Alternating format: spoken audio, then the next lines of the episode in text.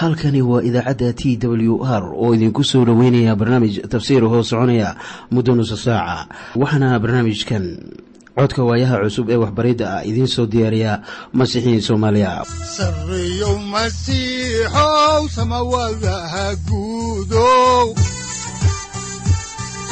Siraadkii adduunkow subanaha eebow ku soo dhowaada dhegaystayaal barnaamijkeenna dhammaantiinba. Waxaan horay u sii ambaqaadi doonnaa daraasaadkii la magac baxay baibalka dhammaantii. Waxaannu caawa idiin bilaabi doonnaa cutubka sagaalaad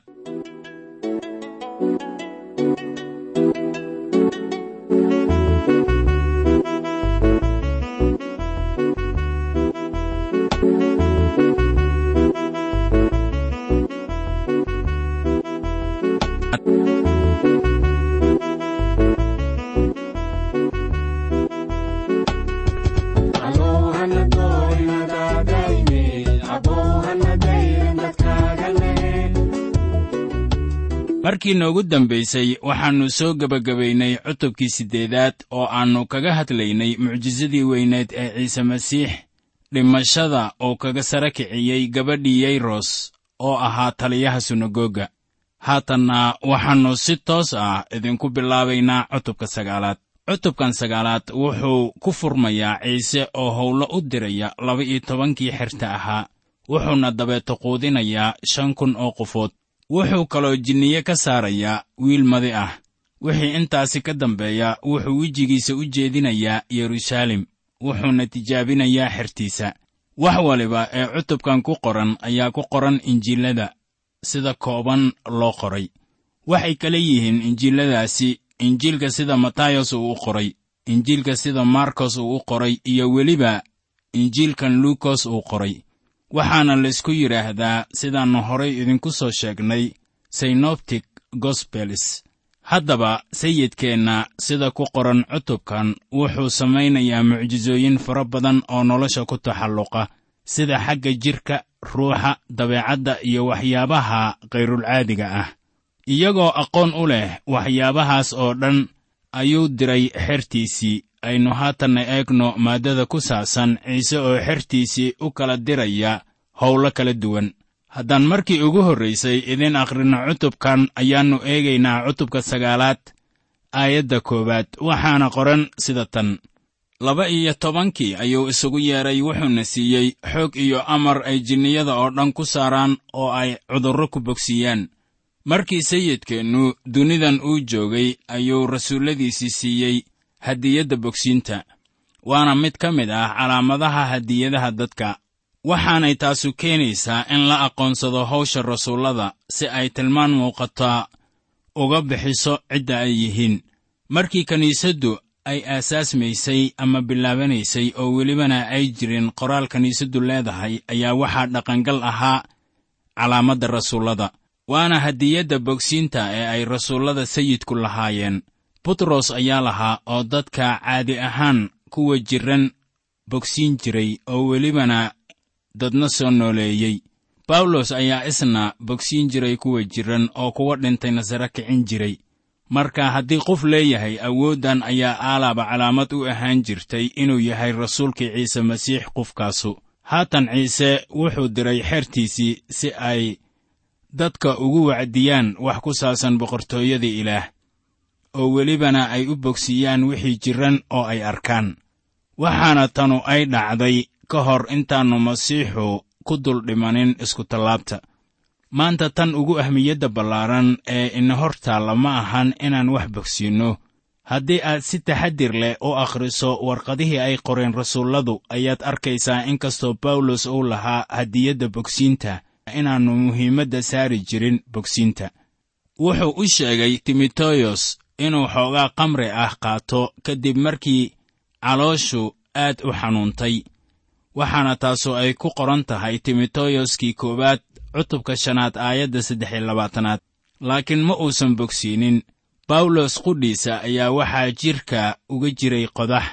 Ilaah buuna weyddiiyey inuu qodxanta ka bixiyo. Ilaah qodxantii kama bixinin timoteyos ayuu u qoray uu ku yidhi sida ku qoran warqaddii labaad ee timoteyos cutubka afaraad aayadda labaatanaad oo leh laakiin torofimos oo buka ayaan miletos uga soo kacay. Haddaba su'aashu waxay noqonaysaa maxaa rasuul bawlos uu u daweyn waayey saaxiibkiisa torofimas bawlos sidaad arkayso wuu soo gunaanaday howlihiisii oo calaamaddii bogsiinta ee hibada uu u lahaa ayaa sii dhammaanaysa. Sida abbaarta ah markii qorniinka uu noqdo qayb ka mid ah wax ay kiniisaddu isticmaali karayso ayaa hadiyadda bogsiinta ay meesha ka baxaysaa markaasaa awooddu ay ka tegaysaa qofka ooy ku wareegaysaa baalasha qorniinka oo ah hadallada ilaah markii la gaaray dhammaadka noloshiisa ayaa yooxanaa dadka uu u sheegay in waxbaridda quman ama toosani ay noqonayso waxyaabaha ninka ilaah ka cabsada lagu aqoonsan doono. Waxaa ku qoran warqaddii labaad ee rasuul yooxanaa cutubka koowaad aayadda tobanaad sida tan. Haddii nin uu idin yimaado oo uusan cilmigan idin keenin gurigiinna ha soo gelinina hana salaamina bawlos wuxuu yidhi sida ku qoran warqaddii galatiya cutubka koowaad aayadda siddeedaad. Laakiinse annaga ha noqoto ama malaa'ig samada ka timid ha noqotee kii idinku wacdiya injiil aan ahayn kaannu idinku wacdinnay. Ha inkaarnaado.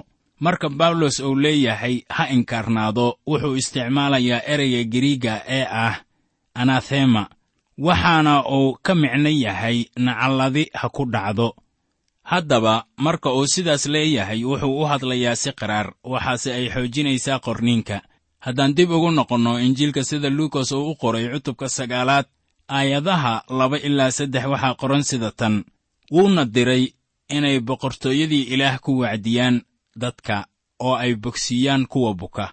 Wuxuuna ku yidhi waxba safarka ha u qaadanina ama ol ama qandi ama kibis ama lacag.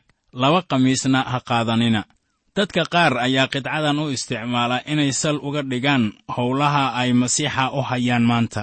Bal iska eeg wacdiyayaasha noocaas oo kale ah.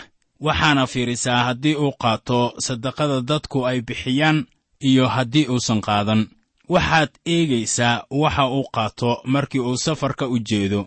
Qandi oo loola jeedo boorso iyo cunno ama lacag. Haddaba sayidkeennu wuxuu tusmadan siiyey xertiisa laakiin innaga inama uusan siinin. Haddaan halkaasi ka sii wadno injiilka sida luukas uu qoray cutubka sagaalaad aayadda afaraad ayaa waxaa qoran guri alla gurigaad gashaan jooga meeshaasna ka baxa. Dabcan qofka shaqaalaha ah waa jid in wax la siiyo. Waxaan rumaysanahay nin waliba ee ku howlan faafinta erayga ilaah in wax un la siiyo. Ha yeeshee xaaladdu way ka duwaneed sida ay maanta tahay. Markaan eegno wakhtigii sayid ciise masiix dunidan uu joogay xilligaas waxay ahayd in xertu ay tagaan guryaha dadka ay iska leeyihiin. Maxaa wacay ma jirin hoteello la seexdo siday maanta tahay. Waxay kaloo ahayd in lagu soo dhoweeyo isla guryahaas oo cunno cabitaan iyo meelo ay seexdaanba laga siiyo. Haddaan halkii ka sii wadno xigashada kitaabkan axdiga cusub oo aan eegno cutubka sagaalaad aayadaha shan iyo lix waxaa qoran sida tan. Kuwa alla kuwii aan idiin soo dhoweyn markaad magaaladaas ka baxdaan siigada cagihiinna ka dhabaandhaba inay mare ka gees ah ku ahaato. Markaasay baxeen oo tuulooyinka ayay dhex mareen. Iyagoo injiilka ku wacdinaya oo meel walbaba kuwo buka ku bogsiinaya. Haddaba hawshii ay hayeen waxay saamayn weyn ku lahaanaysaa shakhsi kasta oo maalintaas nool oo uu ku jiro herodos haddaan horay u sii ambaqaadno xigashada ayaa waxaa ku qoran aayadaha toddoba ilaa sagaal ee isla cutubkan sagaalaad ah sida tan.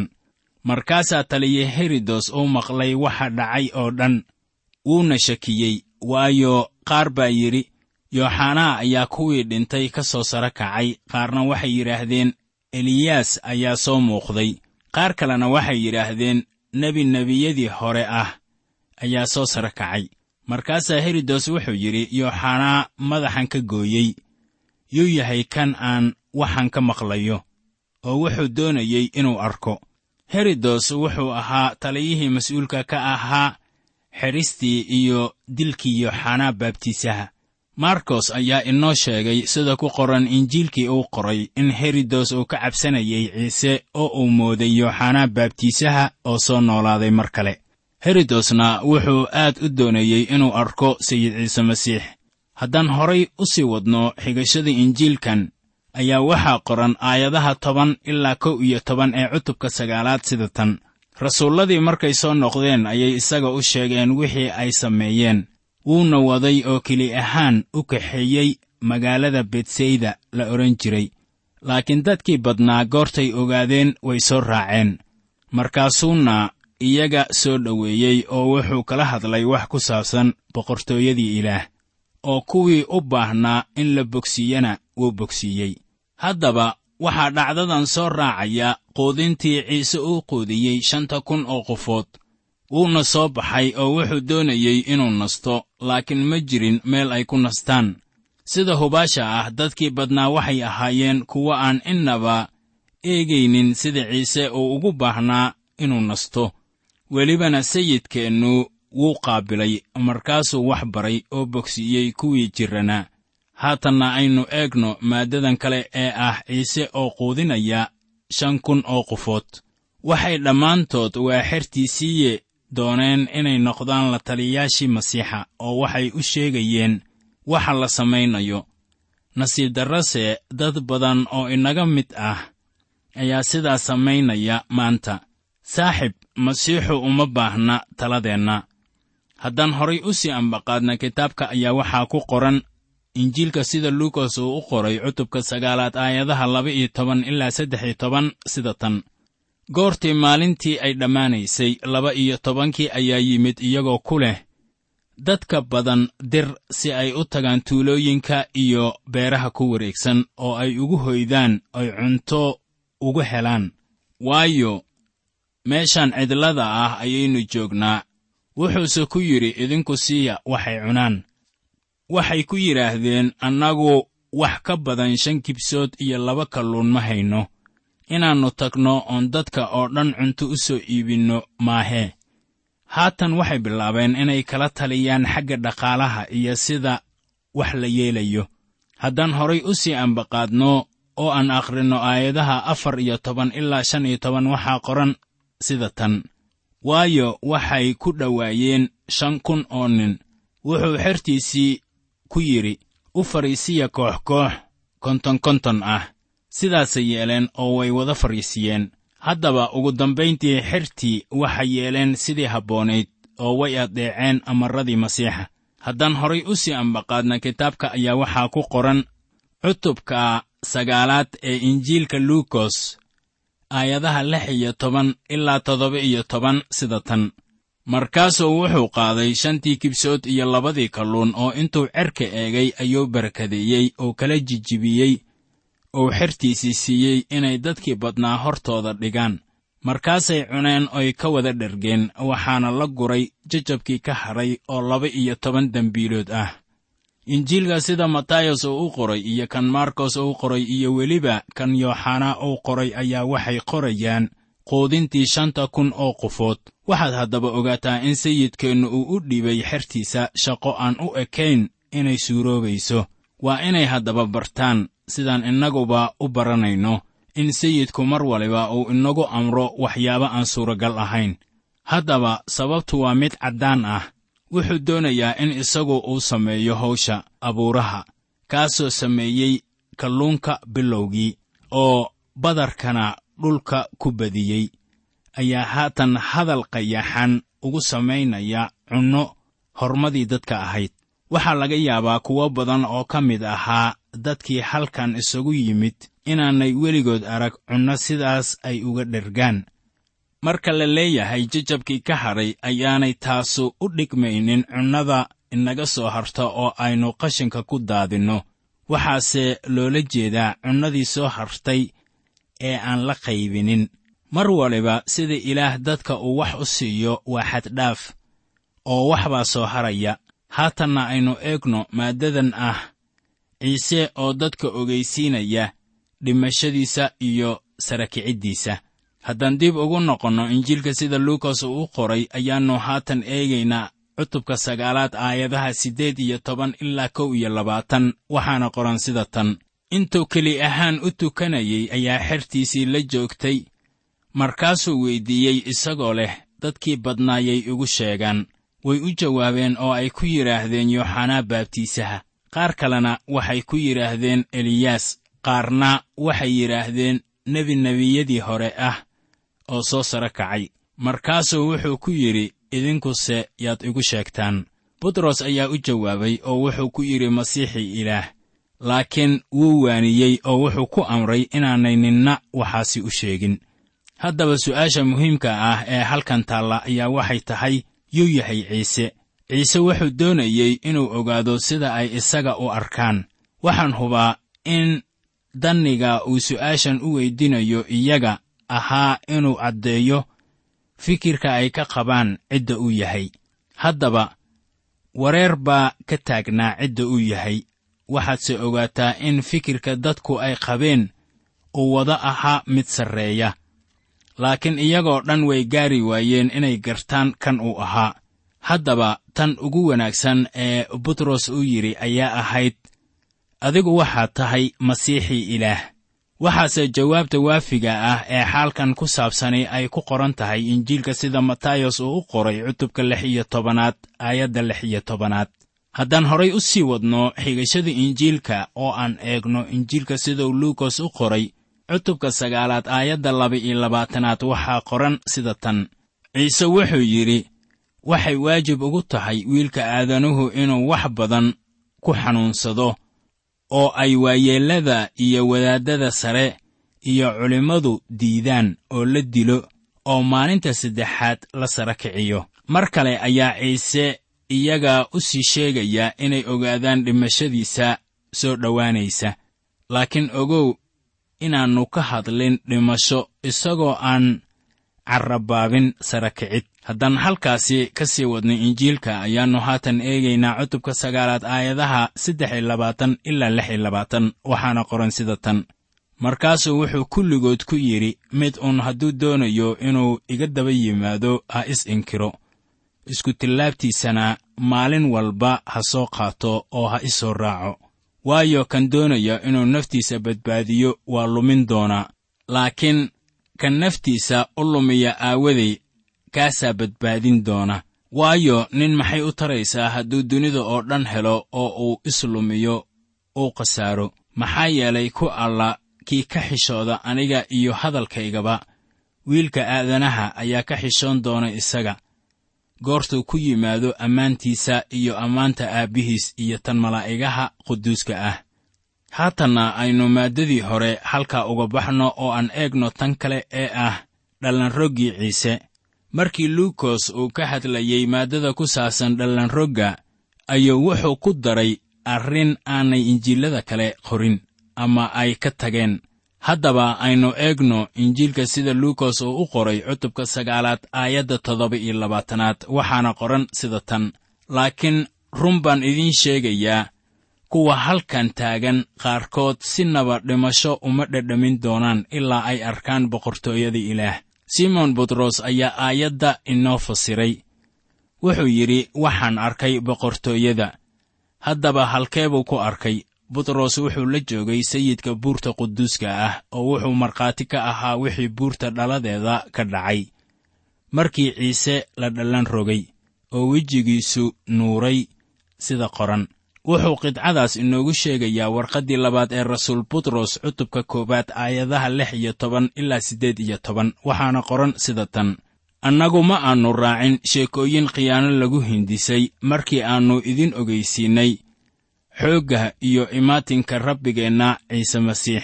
Laakiinse waxaannu ahayn markhaatiyaal indhaha ku arkay weynaantiisa waayo isagu wuxuu xagga ilaaha aabbaha ah ka helay maamuus iyo ammaan. Markii cod sidaas ahu isaga ugu yimid xagga ammaanta aad u weyn ee yidhi kanu waa wiilkayga aan jeclahay oo aan ku faraxsanahay. Oo codkaas aannu maqalnay wuxuu ka yimid samada markii aannu buurta quduuska ah isaga la joognay. Haddaba hadalladaasu waa markhaatigii u bixiyey simon butros anigana faa'iido ayaa iigu jirta hadalladaas oo way ii wanaagsan yihiin. Waxaan u malaynayaa ninka halkaasi jooga inay qasab noqonayso inuu wax badan kaga wanaagsan yahay nimanka qorayaasha casriga ah. Ha yeeshee aan halkaasi goobjoog ka ahayn amase aan joogin. Haddaan horay u sii ambaqaadno injiilka sida luukas uu u qoray ayaannu eegaynaa haatanna cutubka sagaalaad aayadda siddeed iyo labaatanaad. Waxaa qoran sida tan abbaaraha siddeed maalmood hadalladan dabadood waxaa dhacay inuu waday butros iyo yooxanaa iyo yacquub oo buurtuu fuulay inuu ku tukado. Sayidku wuxuu soo kaxaystay butros yacquub iyo yooxanaa oo wuxuu keenay buurta dhaladeeda si uu halkaasi ugu tukado. Markii uu tukanayey ayaa jaahii sayidku uu beddelmay markaa soo jeedkiisii baa dhallan rogmay. Haddaba ereyga giriigga ah ee lagu macneeyo dhallanrogga ayaa wuxuu yahay metamerfum oo ingiriis ahaan ka dhigan metamorfisis haddaan halkaasi ka sii wadno injiilka sida luukas uu u qoray ayaannu eegaynaa cutubka sagaalaad aayadda sagaal iyo labaatanaad waxaana qoran sida tan. Oo intuu tukanayey araggii wejigiisa ayaa si kale noqday dharkiisuna caddaan ayuu la dhalaalay. Haddaba aayaddan uma dhigmayso in iftiinka nalka oo kale ah intuu ifay isaga dhalaaliyey laakiin ilays baa gudihiisa ka yimid oo oogadiisa bannaanka ayaa laga arkayey ilays biliglaynaya dadka qaarkii ayaa isweydinaya su'aalo nacasnimo ah iyagoo leh miyaa dhar lagu xidhanayaa jannada waxaana jawaabtu ay noqonaysaa haa laakiin u malayn maayo in loo baahan doono. Haddii laynagu dahaaro ammaanta nuurka ah ee lagu daboolay sayidkeenna. Haddaan dib ugu noqonno kitaabka ahdiga cusub ayaannu haatan eegaynaa injiilka sida luukas uu u qoray cutubka sagaalaad aayadaha soddon ilaa kow iyo soddon waxaana qoran sida tan. Oo bal eeg laba nin ayaa la hadlayey isaga waxayna ahaayeen muuse iyo eliyaas oo ammaan ku soo muuqday oo waxay kala hadlayeen dhimashadiisa oo yeruusaalem dhowaan ku dhammayn lahaa. Haddaba laba nin ayaa buurta dhaladeeda lagu arkay. Waxay kala ahaayeen muuse oo u taagan sharciga iyo eliyaas oo u taagan nebiyada oo iyaga oo dhan isagay markhaati u ahaayeen. Maxay haddaba ka hadleen? Waxay kala hadlayeen dhimashada masiixa oo soo dhowaanaysa bawlos wuxuu leeyahay injiilka uu dadka ku wacdinayo waxaa markhaati ka ah sharciga iyo nebiyada. Haddaba injiilka ka hor iman maayo ahdigii hore marnaba. Bawlosna wuxuu leeyahay sida ku qoran warqaddii rasuul bawlos uu u qoray dadka rooma cutubka saddexaad aayadda kow iyo labaatanaad sida tan. Laakiin haatan sharciga la'aantiis ayaa xaqnimadii ilaah la muujiyey waxaana u marag furay sharciga iyo nebiyadii sharciga iyo nebiyada waxay muujinayaan habka keliya ee ilaah dadka uu ku badbaadin karo. Inay tahay xaqnimada aynu ku yeelannay rumaysadka. Axdigii hore waxaa sidan lagu samayn jiray iyadoo allabari la keeno. Haddaba qaabkii allabariga ayaa sal u ahaa sharcigii muuse. Baraarka la keenayo halkan qurbaanka ayaa noqonaysa calaamadda masiixa oo u dhintay dembiyadeenna nebiyadiina waxay ka hadleen baraarkii ilaah ee qaadayey dembiyada dunida. Haddaan horay u sii wadno injiilka ayaa waxaa ku qoran cutubka sagaalaad aayadaha laba iyo soddon ilaa saddex iyo soddon sida tan. Laakiin butros iyo kuwii la jiray ayaa hurdo la cuslaaday oo goortay tooseen ayay arkeen ammaantiisa iyo labadii nin oo taagan ama la taagan. Kolkaasay ka tegayeen waxaa dhacay in butros uu ku yidhi ciise macallimow waxaa inoo wanaagsan inaynu halkan joogno. Haddaba saddex waab aannu ka dhisno. Mid adankuu dhisaynaa midna muuse midna eliyaas. Waayo ma uu garanaynin wuxuu leeyahay. Odaygii simon butros ahaa ayaa haatan wuxuu leeyahay hadal kale. Waxa u wanaagsanaan lahayd inuu afkiisa iska haysto laakiin waxay ahayd inuu hadlo. Waxaanan qiyaasayaa inuu haatan wax yidhi laakiin luukos ayaa raaciyey. Waayo ma uu garanaynin wuxuu leeyahay. Haddaan horay u sii wadno qisada ayaa waxaa ku qoran injiilka luukos cutubka sagaalaad aayadaha afar iyo soddon ilaa lix iyo soddon sida tan intuu waxaas lahaa waxaa timid daruur oo iyaga haraysay wayna baqeen kolkay daruurtii galeen. Daruurtiina waxaa ka yimid cod leh kanu waa wiilkayga aan jeclahay ee maqla isaga.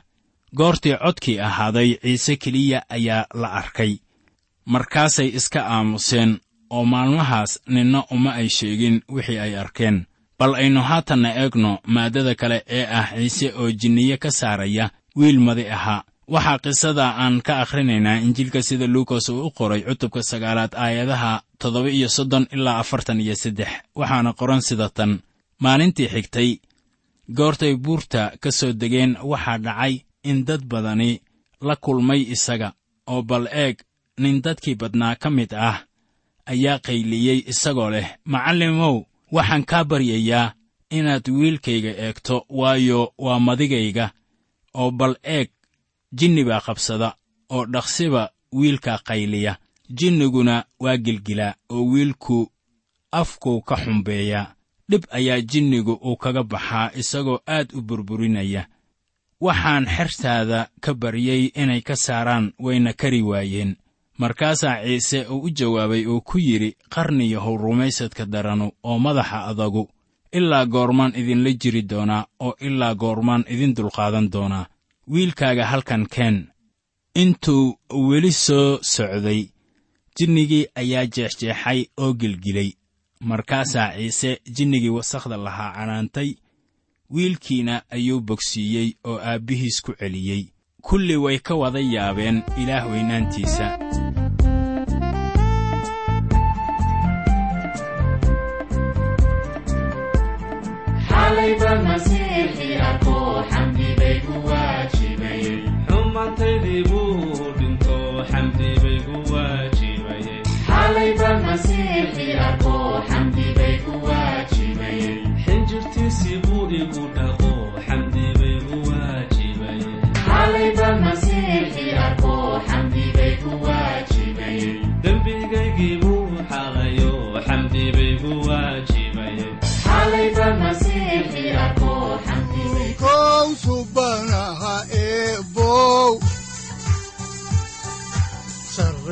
masiixow samawadaha guudow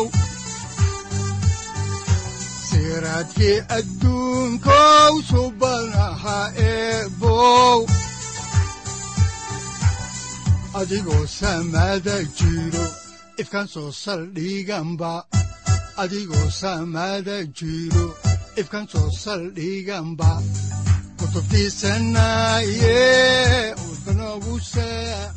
halkani waa t w r idaacadda t w r oo idinku leh ilaa ha idin barakeeyo oo ha idinku anfaco wixii aad caawi ka maqasheen barnaamijka.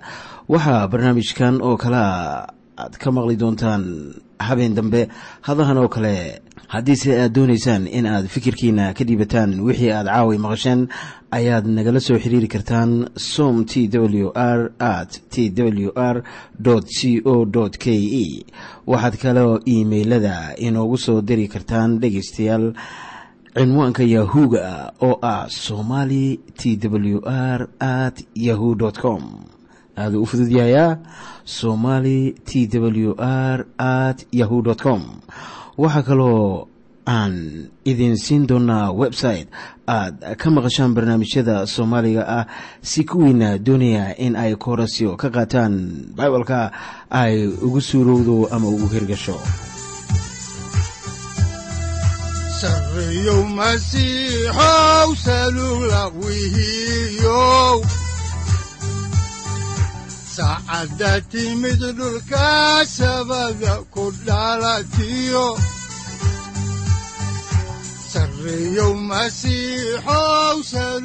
halkani waa t w r oo idiin rajaynaya habeen baraare iyo barwaaqaba leh inta aynu ka gaari doono wakhti aynu ku kulanno barnaamij la mida kan caawayay aad maqasheen waxa aan idinku leeyahay nabadda ciise masiix ha idinku badato xagga jidhka iyo ruuxaba aamiin